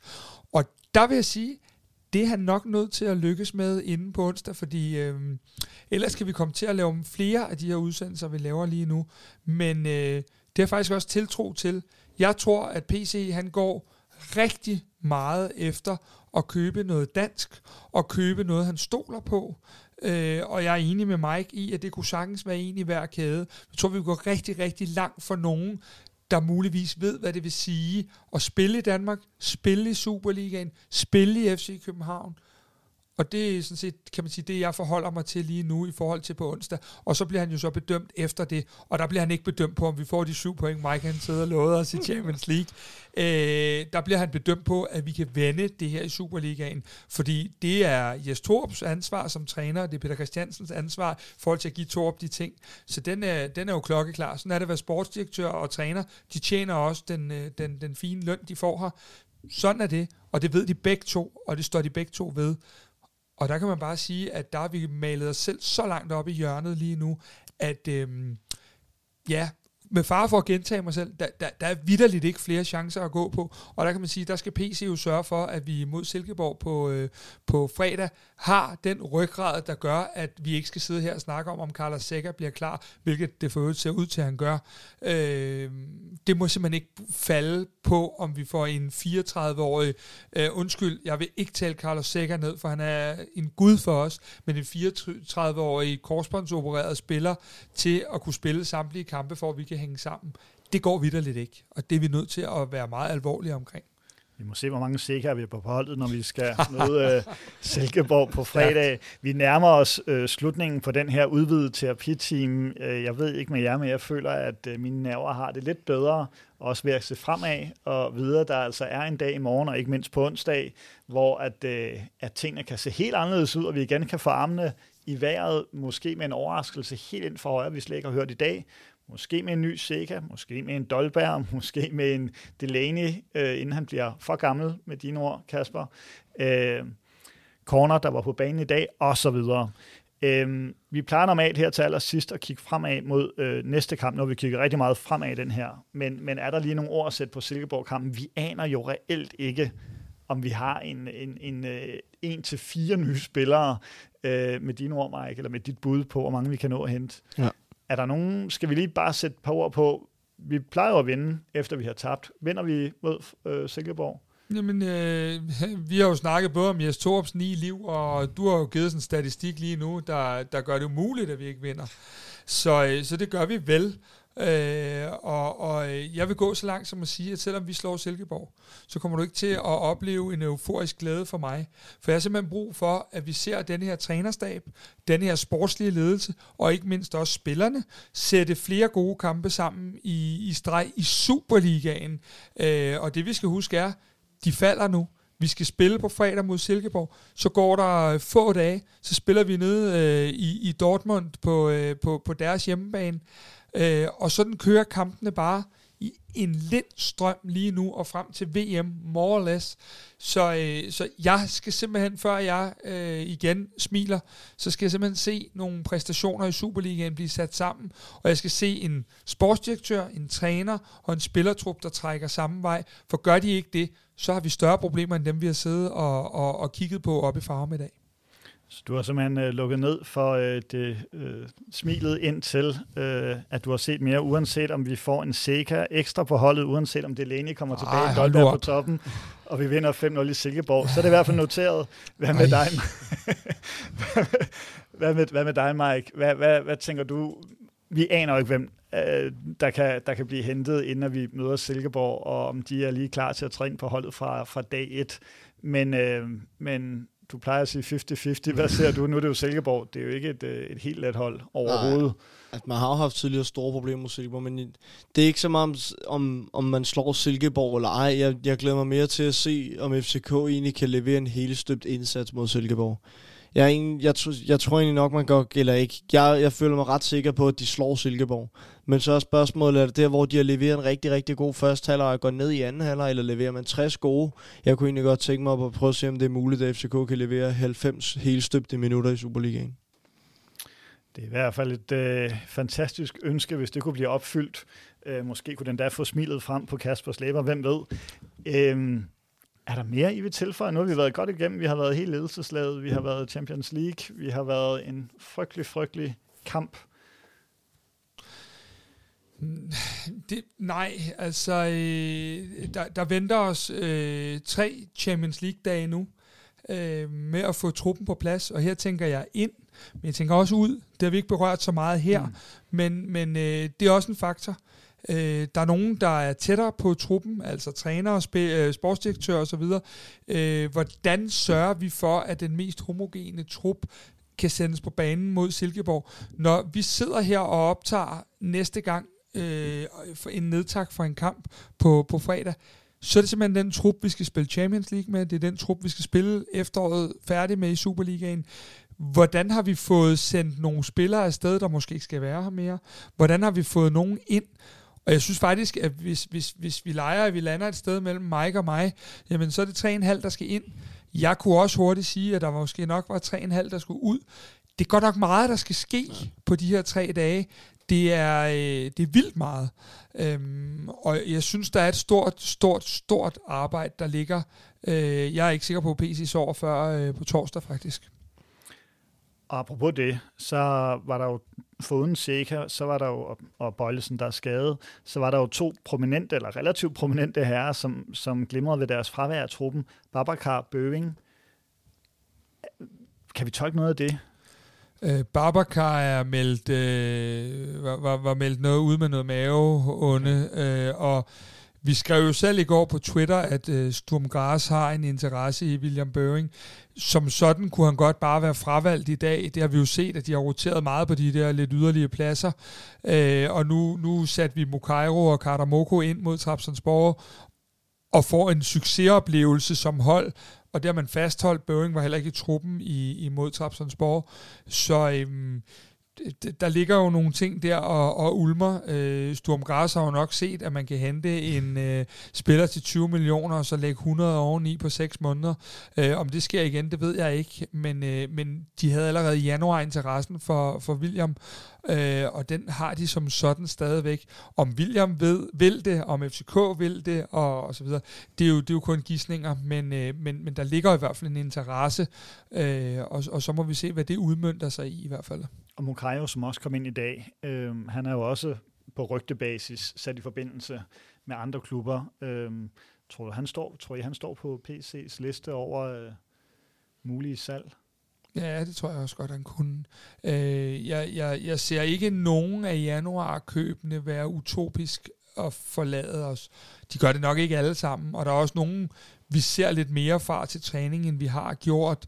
Øh, men man kan jo igen vende den om at sige, at, øh, at, at en, en, en Amu i dag kommer ikke i spil, hvilket sandsynligvis er fuldstændig fair, men det siger jo også en del, når vi egentlig skal op og, og angribe i noget af kampen, at der er så langt for ham ind til at komme ind og, og vende en kamp. Der, hvor vi jo så ham komme ind, der førte vi jo komfortabelt 3-0 mod Lyngby. Hvis han ikke er i en stand, der gør, at han kan komme ind i dag, da vi er bagud 1-2-0 og, og, og vende kampen, jamen, øh, hvad så? Hvad så må blive det helt, helt store spørgsmål, som vi øh, nok kommer til at stille os selv rigtig mange gange frem til onsdag midnat, hvor at øh, vinduet altså lukker. Tusind tak for, øh, for øh, en masse gode input, øh, Mike. Tak for at komme. Og tusind tak for den her øh, terapi. Jeg håber, vi får smilet tilbage i løbet af de næste uger. Ja, nu tænker jeg, nu, nu er det også der skal terapi, hvis det er, fordi at, øh, øh, jeg er mere end skuffet. Det vil jeg gerne indrømme. Og tusind tak til dig, kære lytter. Ser, hvis du har været med os hele vejen her. Der er rigtig, rigtig meget på tapetet til den, øh, til den kommende uge. Hvis ikke I skulle have lagt mærke til det, så er der et Transfer Deadline show på onsdag, Husk, I kan komme ind og melde jer til nu. Der er allerede røget en masse pladser, men der er billetter tilbage, så kom ind. Det koster kun 150 kroner, 100 hvis du er medlem. Du kan se mere ind på Kvartibolds Facebook-side og i linket her i shownoterne. Øhm, der er selvfølgelig også morgenbriefing fra på tirsdag. Og så har vi selvfølgelig øh, både optakt og nedtakt til den her Silkeborg-kamp, hvor vi jo ikke aner endnu, hvordan vi kommer til at stille. Jeg håber, du har det lidt bedre derude. Vi ses, vi høres ved i den kommende uge.